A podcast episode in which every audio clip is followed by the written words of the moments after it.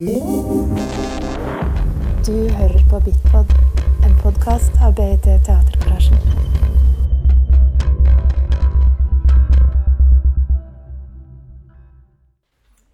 Velkommen til eh, rein bonus eh, og en introduksjon til Jacques Rancières 'Den emansiperte tilskuer'.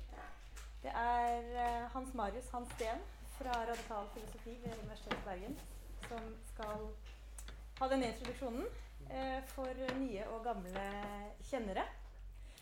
Veldig glad for at så mange har tatt turen inn i mørket eh, for eh, dette. Vi skal holde på eh, en eh, liten time. Så kan dere ta en pause ute i solen. Og kom gjerne tilbake på forestilling oppe på Nadia Begré og Serb Martels eh, Tapiouge. Så ja. Jeg tror ikke jeg sier så mye mer. jeg. Jeg tror jeg bare gir ordet til deg. Jo, takk for det. Takk for at du ville komme. Jo, takk for invitasjonen, og takk til alle dere som kom for å høre på. Um, jeg skal ikke Ja.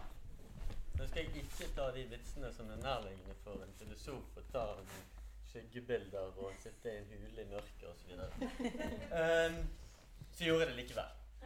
Uh, men uh, Og jeg skal gjøre, jeg skal gjøre en, en annen sånn, sånn ting som kanskje er litt, litt tåpelig, og det er nemlig å, å begynne med å si hva jeg ikke skal gjøre.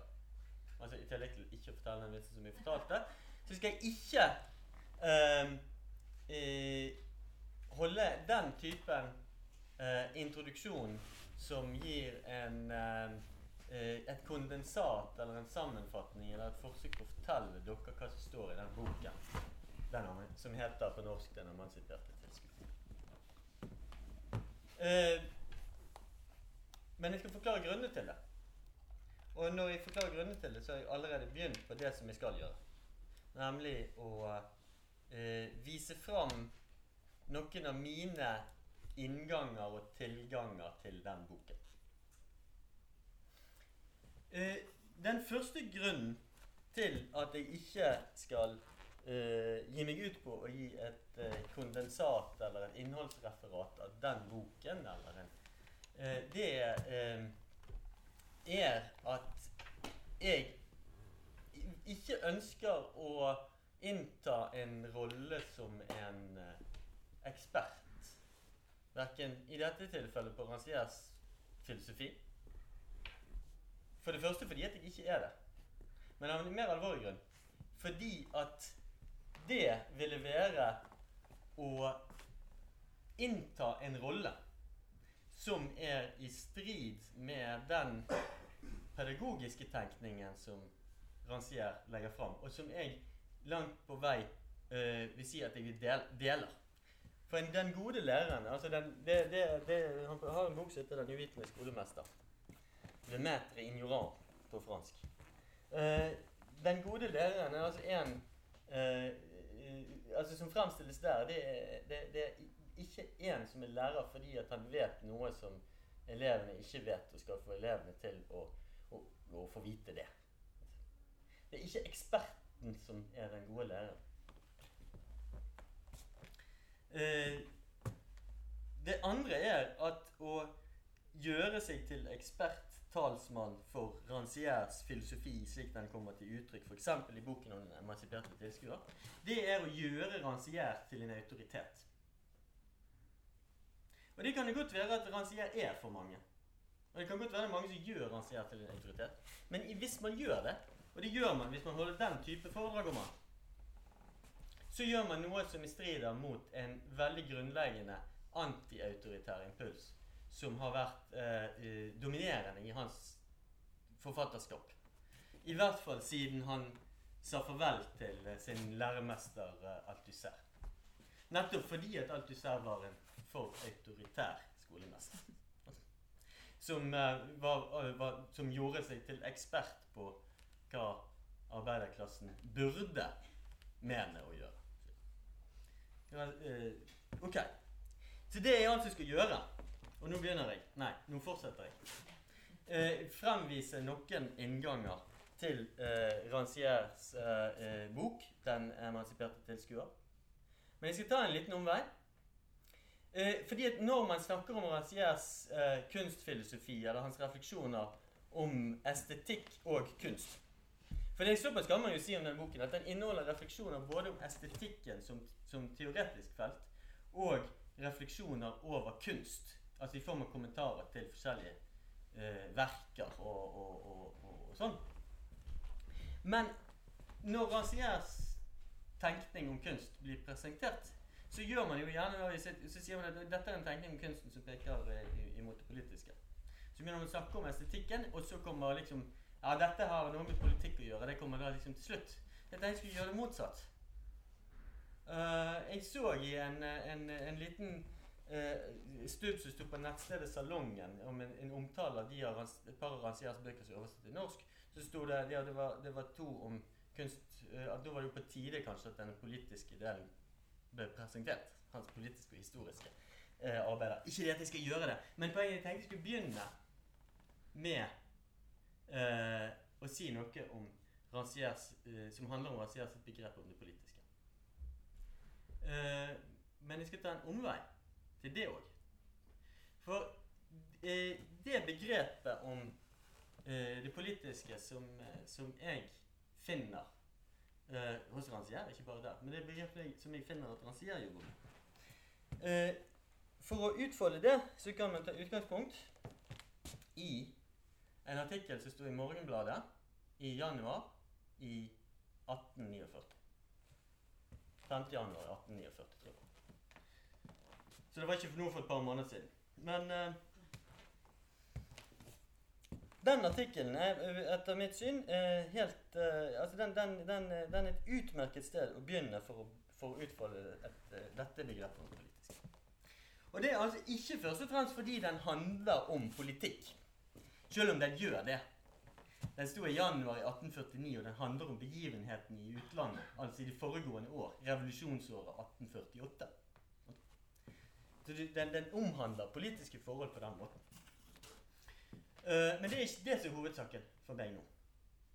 Uh, det er heller ikke det at den gir klart uttrykk for en, en, en, en egalitær, demokratisk grunnholdning uttrykt i den artikkelen i 1849 som en en sånn, det som vi kunne kalle for en forfatningspatriotisme. Hvor de sier at det som disse her revolusjonære i Frankrike ønsker seg, er jo faktisk noe som ligner på det vi har. Et konstitusjonelt uh, styre. Det er ikke det som er poenget heller. Men, men den, den, den uh, egalitære, demokratiske forfatningstenkningen som kommer til uttrykk der. Uh, selvfølgelig har det noe med saken å gjøre. Men for å sitere Kjartan Fløgstad formen er den mest politiske delen av innholdet. Og det gjelder også i denne artikkelen. Eh, det første man kan legge merke til, eller det første jeg vil påpeke, det er at den har form av en dialog. Så det er to personer som snakker sammen. De er, de er liksom bare A og B. Men de to personene som sitter og snakker sammen, de snakker sånn Han begynner øh, det, nå, nå, Du som leser avisene, hva er det egentlig som har skjedd i sånn. Så begynner de å drøfte dette. Så det er et lite bilde av en Hva skal kan kalle det sånn, sånn uttrykk? En resonnerende publikum. Man sitter og, og, og, og Altså Mennesker som, som, som, er myndige og gjør seg opp sine meninger og drøfter hva som skjer her i utlandet. og Hva det betyr det noe for oss og så videre. Så den dialogiske formen er viktig. Men disse to personene som er i dialog, A og B, de er, også, de, er, de er altså hvem som helst, de er A og B, men de er identifisert likevel som to bønder. Så disse hvem som helst er to bønder, de er to representanter for allmuen som snakker sammen. Og så viser seg altså å være velinformerte og høyst reflekterte. Men det aller eh, eh, viktigste for meg, og som forbinder den artikkelen med min forståelse av Ranciers tenkning om det politiske, det er språket. For denne artikkelen, 'Samtale mellom to bønder om begivenheten i utlandet', 5.1.1849 i Morgenbladet, det er det første skriftstykket som noensinne var trykt på normalisert landsmål. Forfatteren var selvfølgelig Ivar Aasen. Og det er jo interessant hvis man skal snakke om Ivar Aasen, at han velger å lansere landsmålet på den måten. Koblingen til, til, til, til Rancière er den. At eh, er, er, er, av måtene som Rancière definerer det politiske på, altså en politisk begivenhet, det er knyttet til når eh, noen griper ordet, noen får, tar ordet og ytrer seg med en stemme. Noen som tidligere var definert som å bare lage støy. Og eh, poenget her, da, hvis man kan si med Ivar Aasen, det er det at disse her snakker da landsmål. Altså det er denne nye normen som er basert på folkemålet. Det er ikke, de snakker ikke Og det som demonstreres her, det er at disse bøndene er allment dannede og interesserte og i stand til å resonnere. Språket deres er verken en, eh, en, eh, en, en, et avvik fra den dannede tale eller en forfallsform av gammelnorsk, sånn som nasjonalromantikerne syntes skulle være. Men det er altså eh, allmuens taleevne som her representeres. Og den settingen så er helt realistisk på en måte stilisert selvfølgelig beskrivelse av typer samtaler som foregikk mange steder rundt i foreninger og leseforeninger og sånt i Norge på den tiden. Eh, det er ett, nå, nå er ett av aspektene av Rancières begrep om det politiske, som er dette med å gripe ordet. Når noen som på en måte ikke har talerett, likevel griper ordet. Og, og han knytter det til dette at uh, å, å, et, å, å, ta i bruk et språk fra folk som, tidlig, som, som ellers blir definert til bare å lage støy og bråk. Um, et annet uh, aspekt, uh, det som man oftest møter først, det er hans begrep om deling. Partage heter det på fransk. Jeg tror at den dobbeltheten i, som han spiller på der, funker for norsk òg. For han sier det at å dele det er både å ha noe sammen, felles. Vi deler, de deler noe, så det betyr at vi har noe felles. Men å dele kan òg bety å eh, dele sånn at hver får sin del av noe. Og så, i tillegg til det, så betyr det å dele og trekke en grense mellom de som har del, og de som ikke har del i dette fellesskapet.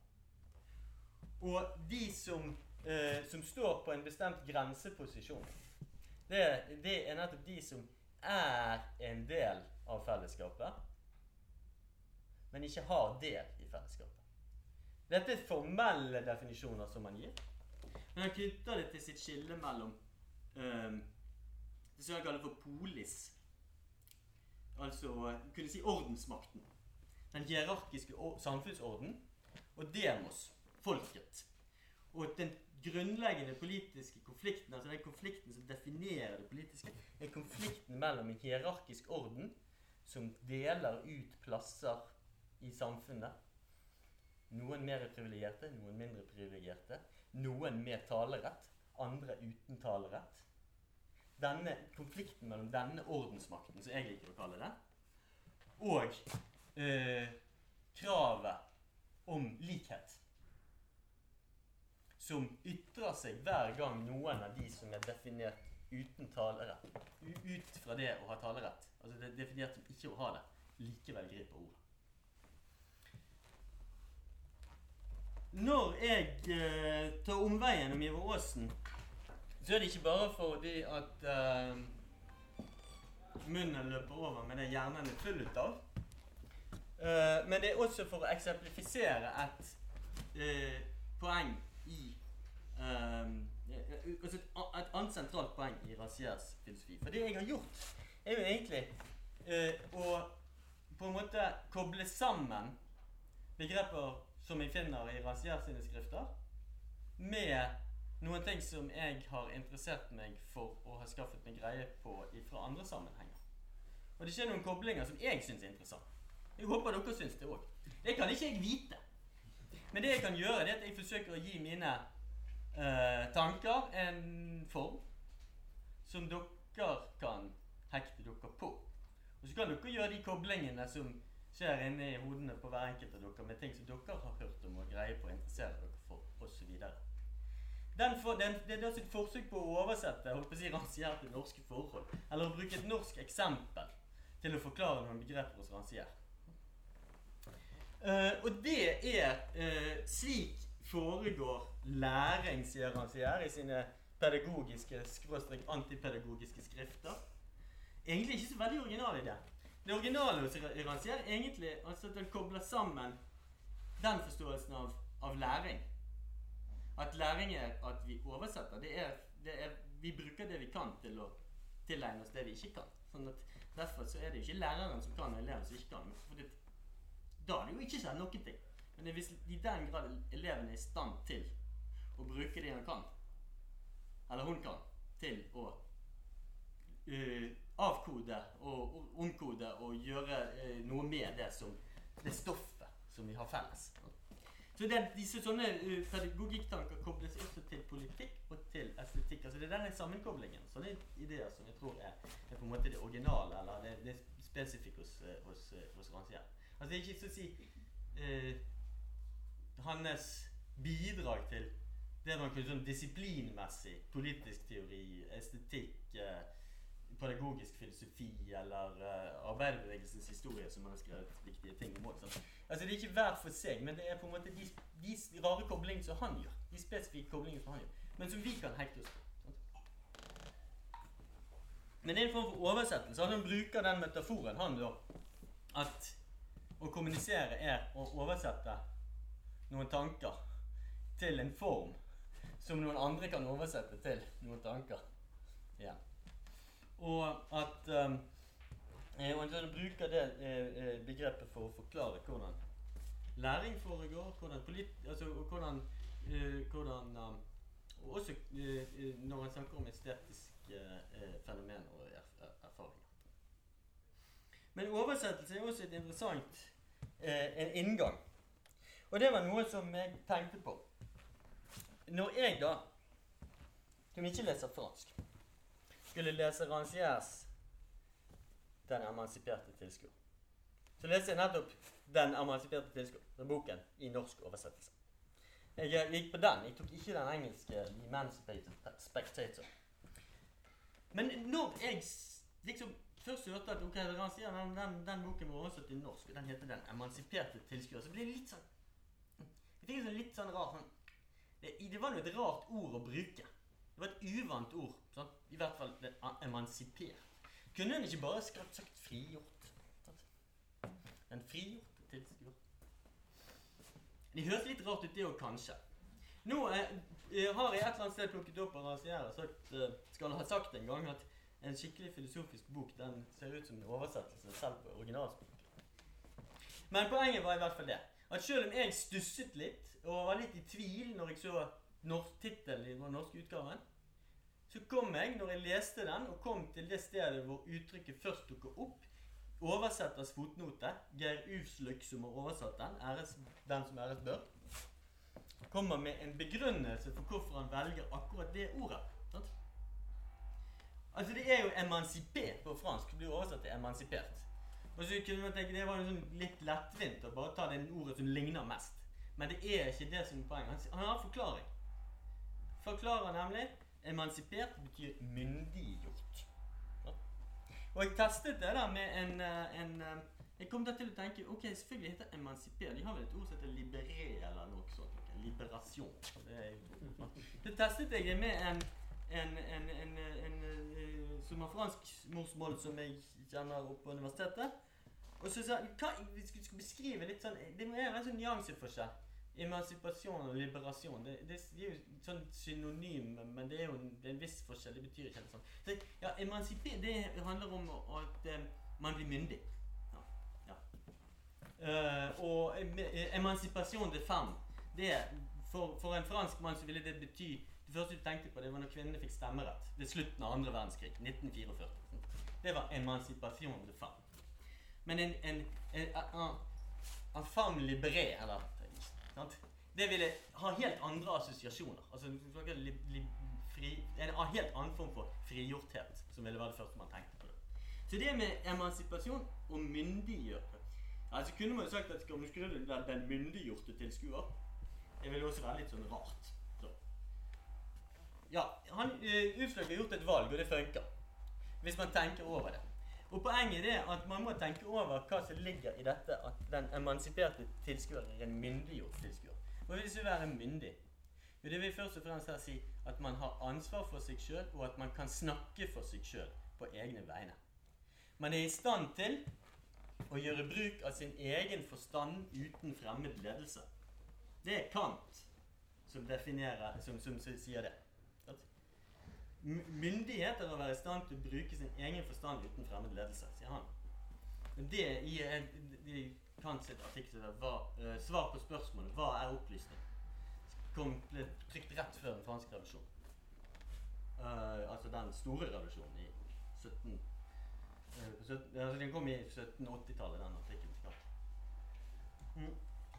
Og da er, der, der er det en, en, en eks... Altså uh, det er selvsagt sånne ting eh, Rancière har i tankene. Og det vet vi, for vi ser jo at Rancière henviser til Kant og, og, og, og Kant sin estetikk. Og for så vidt da implisitt også til Kant sin i opplysningstenkning. Og det som kommer ut i dette, her, hva er opplysning? Og sier det er øh, for, når menneske, Opplysning er når mennesket forlater sin selvforskyldte umyndighet. Og våger å gjøre bruk av sin egen forstand uten fremmed ledelse sier Kant, er jo frykt og latskap hovedsakelig som gjør at man ikke er myndig. ja. uh, men poenget er i hvert fall det at uh, der er en, en, en, en, kobling her mellom det å være myndig, en emansipert tilskuer, og det å kunne snakke på egne vegne og gjøre bruk av sin egen forstand uten fremmed ledelse. Men hvorfor nettopp tilskuer? Hvorfor skal tilskueren myndiggjøres? Hva er det som ligger i det? Hva er det som er poenget der? Det er jo det eh, for, for, for, å nevne det Det Razier eh, Jeg sa jeg skulle ikke gi et referat av boken, men det er det han skriver om først. da, i begynnelsen av boken. Det er det han sier i, uh, i filosofien, og særlig tenkningen om teater men ikke bare der. Men i kunstfilosofien spesielt, men det kommer veldig tydelig til uttrykk i teateret, så, er, så, så, har tilskueren fått en, etter Rancières mening tydeligvis, uh, ufortjent uh, negativ, dårlig, uh, feil definert, misforstått posisjon i, i, i, når man lager begreper om dette. Når man forsøker å tenke om det. For man beskriver tilskueren i kraft av, altså i kraft av tilskuerens feil og mangler. For tilskueren, hva det tilskueren gjør ja, Han gjør ingenting. Sitter og glor. Tenk på den Jeg kommer ikke vekk fra den der scenen i Flåklypa Grand Prix. Sant? Den er ganske finurlig, egentlig, hvis man tenker seg om. Sant? Her ser vi en film, og på den filmen sitter det noen dukker som sitter og ser på TV. Og inne på TV-en så sitter det en dukke som sier til de Døkk sit og glor. Men i hvert fall, det er tilskueren. Men der er jo kinesiske esker inni hverandre. Men poenget er at den, den, den tradisjonelle eh, forestillingen, det begrep om, til, om, tilskueren, er at tilskueren uh, er eh, passiv. Ja? Og det er bedre å være aktiv enn å være passiv. Men det er ikke bra å være passiv. Å være tilskuer er å være passiv. Og hva man er passiv, man er passiv tilskuer til bilder, altså til illusjoner. Men det er ikke dette tilskueren skal frigjøres fra. Det er trikset til, eller poenget til, til Rancière. Han vil frigjøre, eller myndiggjøre tilskueren ifra det bildet av tilskueren, eller det begrepet om tilskueren. For Poenget til Rancière er jo rett og slett det at hvis man sier tilskueren er eh, offer for illusjoner og fastholdt i passivitet. Vi må gi tilskueren sannheten i stedet for illusjonene. Og vi må gjøre, aktivisere tilskueren. Få røste han ut av eh, denne passiviteten. Jo, da bekrefter man jo den altså Hvis man sier det, hvis man protesterer mot dette bildet, så bekrefter man dette bildet. Da sier man, da sier man at det stemmer. At det å være tilskuer, det er å være passiv, i motsetning til å være aktiv. Eh, det å se på bilder eller perform teater eller whatever, eh, det er å være offer for illusjoner. Som om folk noen gang har gått på teater og trodd at det var virkelighet de så. Nei, Poenget er jo det at man går på teater, og man vet jo at Man vet jo at det er teater. Og man ser et bilde. Ja, hvis, Det fins jo illusjon Altså, det finnes jo bilder Man kan jo av og til gjøre seg den erfaringen at man kommer inn i et rom, og så hilser man på eh, noe som viste seg å være et bilde, og ikke, eller en figur, eller noe sånt, ikke et menneske. Men det normale er jo det Da har man nettopp tatt feil av bildet. Å se et bilde er jo nettopp å vite at det er et bilde. Så en tilskuer er ikke et offer for illusjon. Tilskueren vet hva han gjør, og tilskueren gjør noe. Han er ikke passiv. Um, jeg fikk jo lyst til å sitere den, eh, et, et, en formulering som er brukt i en helt annen sammenheng og med nesten motsatt uh, poeng. Men, men, men uh, Hans Skjermheim skriver at å være tilskuer er ba, bare en særegen måte å være deltaker på. Det, det å være tilskuer er en måte å være deltaker på, sier han. Det har han selvfølgelig rett i. Og i veldig mange sammenhenger, og det, det tenkte jeg på når jeg, jeg, jeg assosierte den, det der Skjermheim eh, eh, eh, med, med det som Rancière det, det, ja, det å være tilskuer er faktisk en av de viktigste aktivitetene vi driver med. Altså, Veldig mye av det vi driver med, er å være tilskuer. Um, og, når, og, og når man er tilskuer, så er man aktiv. Men man kan være mer eller mindre bevisst om den aktiviteten man driver. Uh, og, uh, men, men, man er nødvendigvis aktiv. Man tar nødvendigvis til seg. Det å se, det å sanse, er å gjøre noe. Det er å legge merke til. Koble sammen. Uh, forstå eller ikke forstå, osv. Så, så det er, er, er, er poenget med å snakke, altså Et av poengene med å snakke om den emansiperte tilskuer, det er å uh, så å si uh, snu uh, og om på den forståelsen av hva det vil si å være tilskuer, som ligger til grunn også når man sier at det er viktig å rive folk ut av sine illusjoner, eller gjøre de, aktivisere de passive. Så, uh, ting som, som da uh, for, uh, for Rancière Han ja, sånn har man jo prøvd å tenke både innenfor teater og andre kunstformer. og sånt noe. Spesielt når man vil gjøre det til en politisk kunstform. Med ulike grad av suksess. Noen har fått til veldig flotte ting utover den tankegangen. Men det er ikke sikkert at premissene for at det funker, er de samme som intensjonen med å gjøre det. Uh, uh, jeg skal ikke gå inn i, i, i detaljene uh, der. men jeg skal si en ting som jeg oppfattet av, som et sentralt poeng når han snakker om forholdet mellom kunst og politikk. Og han utgjør en sånn skepsis til programmatisk politisk kunst. Det er ikke det at han er imot altså Det er ikke det at det aldri kan funke. Og han er jo ikke noen grunn til å være imot at kunstnere skal ta sitt politiske engasjement inn med seg inn i når de lager kunst. Eller at publikum skal ta sitt politiske engasjement inn med seg inn når de betrakter kunst. Ja, det gjør man jo, sant? Eh, hvis man har det. Uh, men, uh, men, selvfølgelig så er det så, så, så, så Og kanskje slår Egentlig Rancière da eller, Det er jo en stund siden han skrev det, men han, er, han, slår jo inn dører som mange andre har slått inn. Altså, politisk kunst fungerer ikke som en slags finere form for propaganda. Skal man drive med politisk agitasjon og propaganda, så får man drive med politisk agitasjon og propaganda. heller. Eh, tar man det inn på scenen eller inn i galleriet, ja, det gjør man noe annet med det. Og det kan være interessant, eller det, kan være kjedelig. Det kommer an på. Det kan man ikke bestemme på forhånd. Og det er ikke kunstneren som bestemmer alene. For det må hjem hos publikum på en eller annen måte. Det må treffe publikum på en annen måte. Og det at det er uforutsigbart hvordan det funker, det er en del ut av, det er en del ut av rammene.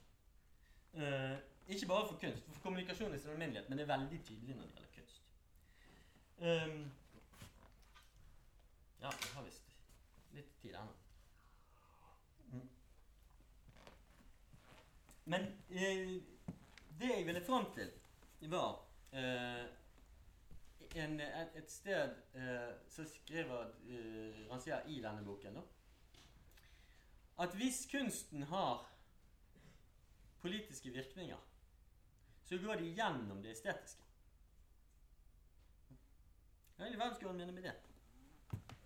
Og når han begynner å beskrive disse tingene, så beskriver han egentlig i mindre grad direkte politiske virkninger av kunsten som um, en form for analogi mellom estetisk erfaring, eller kunsterfaring, og politisk myndiggjørelse.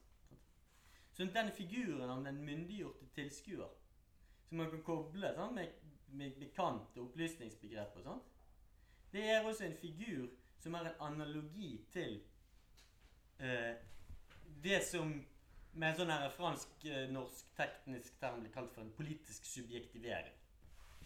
Gjerne en fin fotnote av Usløk da, som man sier det at med subjektivering så mener Rancière her Når et eh, når, når men, mennesker går, trer ut av en posisjon som de er plassert i, og begynner å snakke på egne vegne. Man slutter å bare si det som forventes av en fordi man er i den posisjonen man er. Det gjelder jo spesielt disse som er i underordnede posisjoner, som man ikke forventer at har noe fornuftig å si. Og Hvis de begynner å gjøre seg gjeldende, gripe ord og ta det, ta det og artikulere sine erfaringer osv., så, er det en form for Han kaller det for politisk subjektivering. De blir subjekter. De blir taleføre. Uh, men altså, det er en parallellitet mellom denne, det som han tenker på som sånn her politisk subjektivering, han kaller for politisk subjektivering, det, det og denne myndiggjorte tilskuer. Uh, opplysningsprosjektet uh, i, i Kants, sånn som Kant tenker det, og sånn som han den der rare helten, pedagogiske, antipedagogiske helten til, til Rancière, som heter Jacques Octo. som han skrev en bok om. da. også en radikal variant av det der en radikalt egalitær variant. Altså, tanken er at uh, Rancière insisterer på det. At alle forstanden er lik.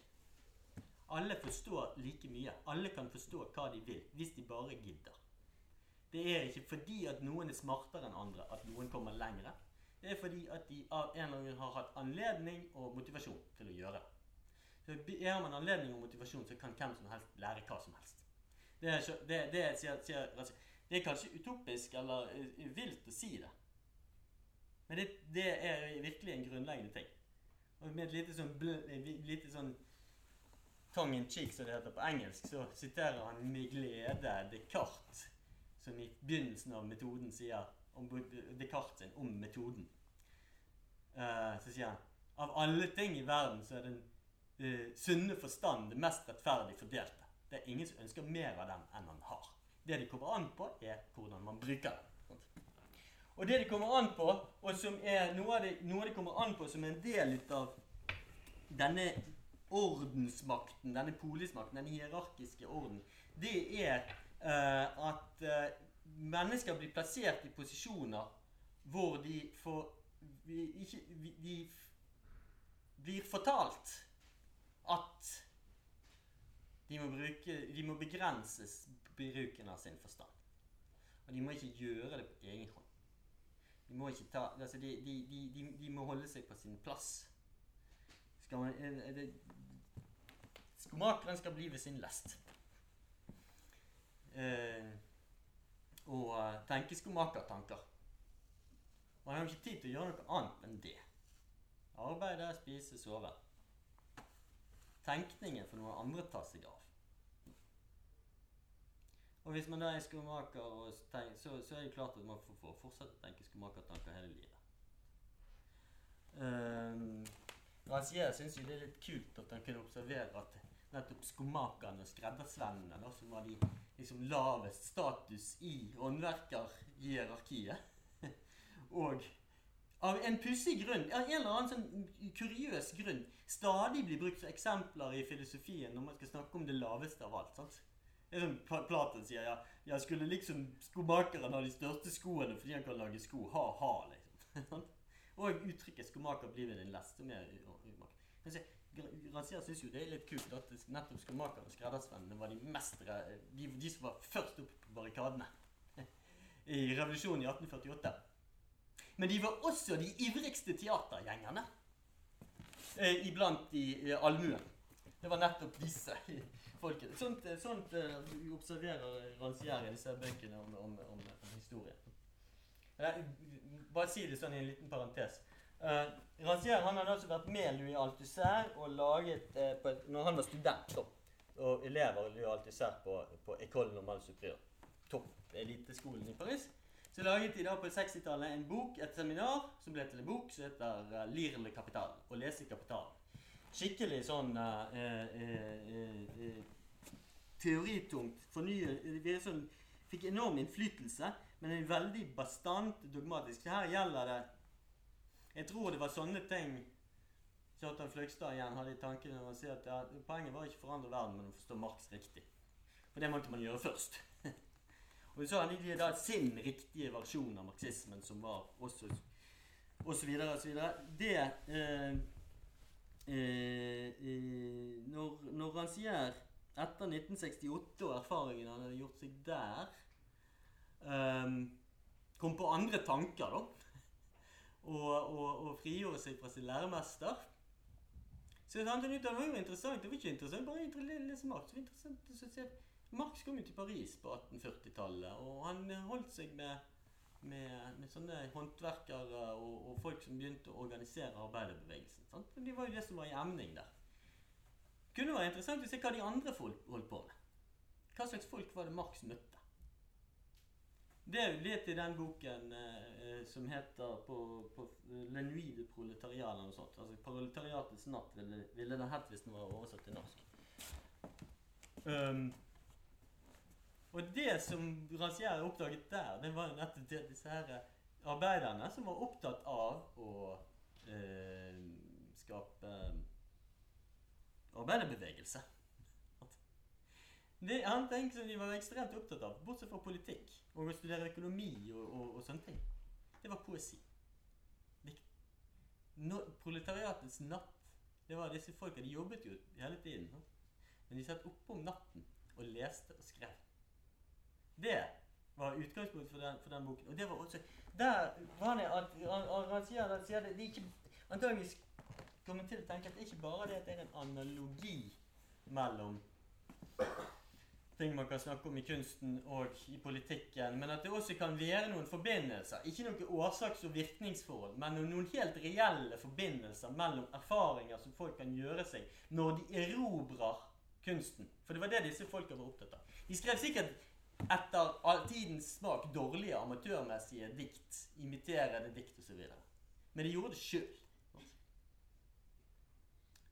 Forresten så fins det et, et, av de første eh, stykkene Ivar Aasen fikk trykt. Det heter 'Poesiens lille hage på Sunnmør'.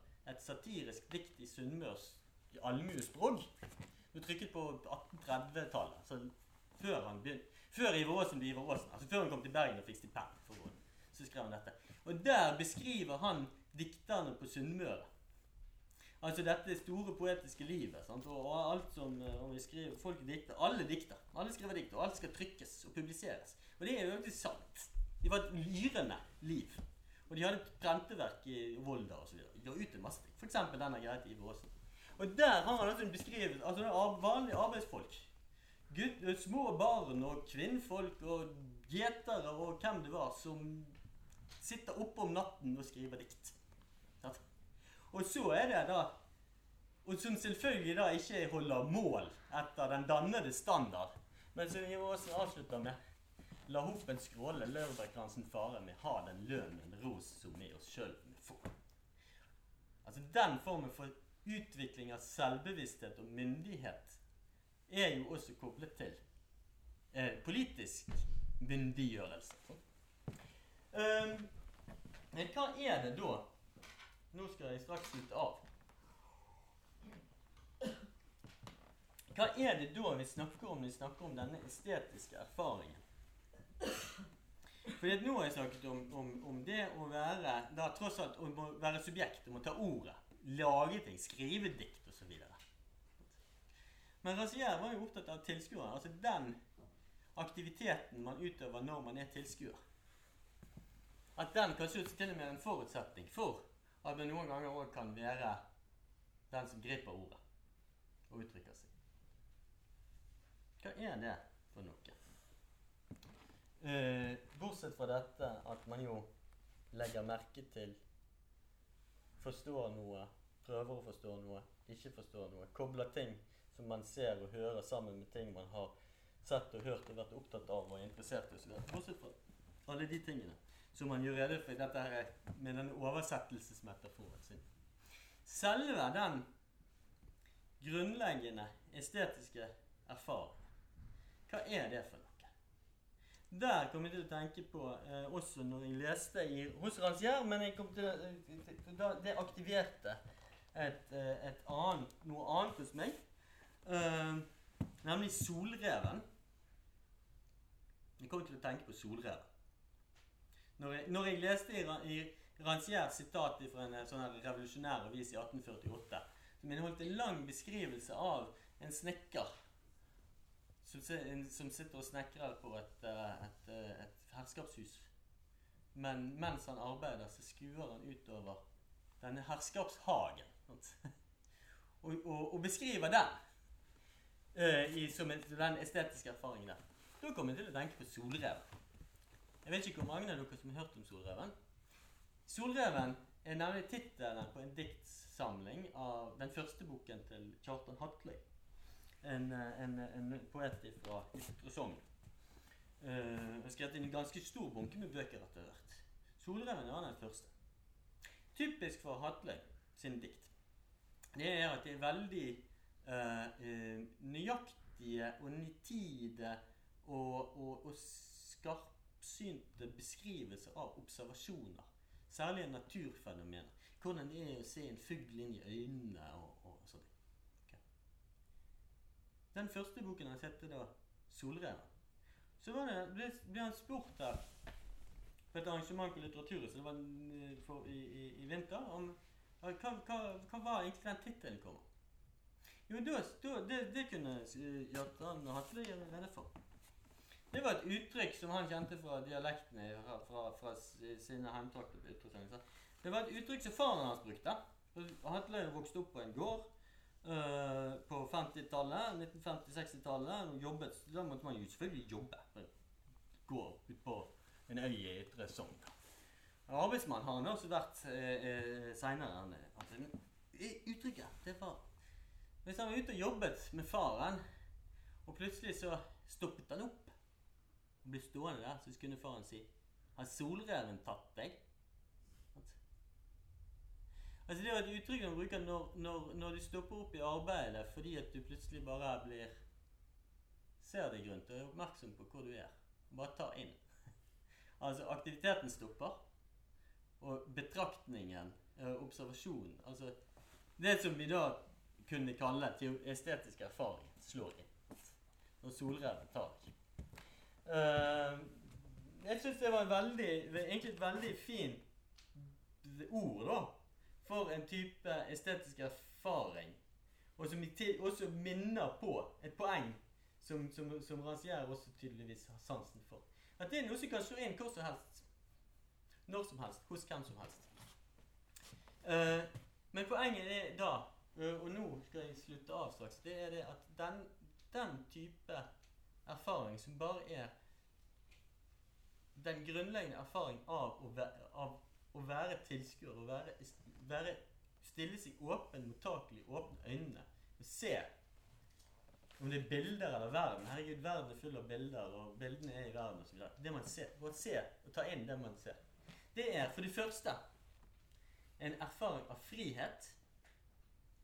For det andre er det en erfaring av likhet. For den er tilgjengelig for hvem som helst i prinsippet. Og for det tredje så er det en erfaring av en mulig fellesskap. For dette er noe som kan deles. Og det er noe som kan deles uten at det trenger å fordeles. For det er noe, øh, og sånn øh, Sånn sett øh, er det også en type erfaring som peker mot et sånt utopisk potensial. Um, siste poenget. Uh, hos Althusser og disse her franske folkene som, som, som Rancière gikk i lære hos, så det er et sentralt begrep som heter det epistemiske brudd. Og det er liksom utgangspunktet for all kunnskap. Det er når man sier ja, men verden er ikke sånn som den synes å være. Det er et viktig poeng. sant? Det er da man forstår noe. Når man skjønner at tingene er ikke sånn som de synes å være. Men det som har slått meg, og det har jeg ikke sett som et begrep eller noe sånt, okay? Men det som har slått meg, jeg tror at det som Rancière er ute etter å si er det ene ting som er ute etter å si. Det finnes noe som ligger, som ligger til grunn for det. Og det kunne vi kalle, eller jeg finner på nå å kalle det for det estetiske bruddet. Som er enda mer fundamentalt. For det er ikke bare sånn at verden ikke er slik den synes å være. Men hvis vi åpner øynene, så vil vi legge merke til at den ser ikke engang ut sånn som vi tror. Takk for meg.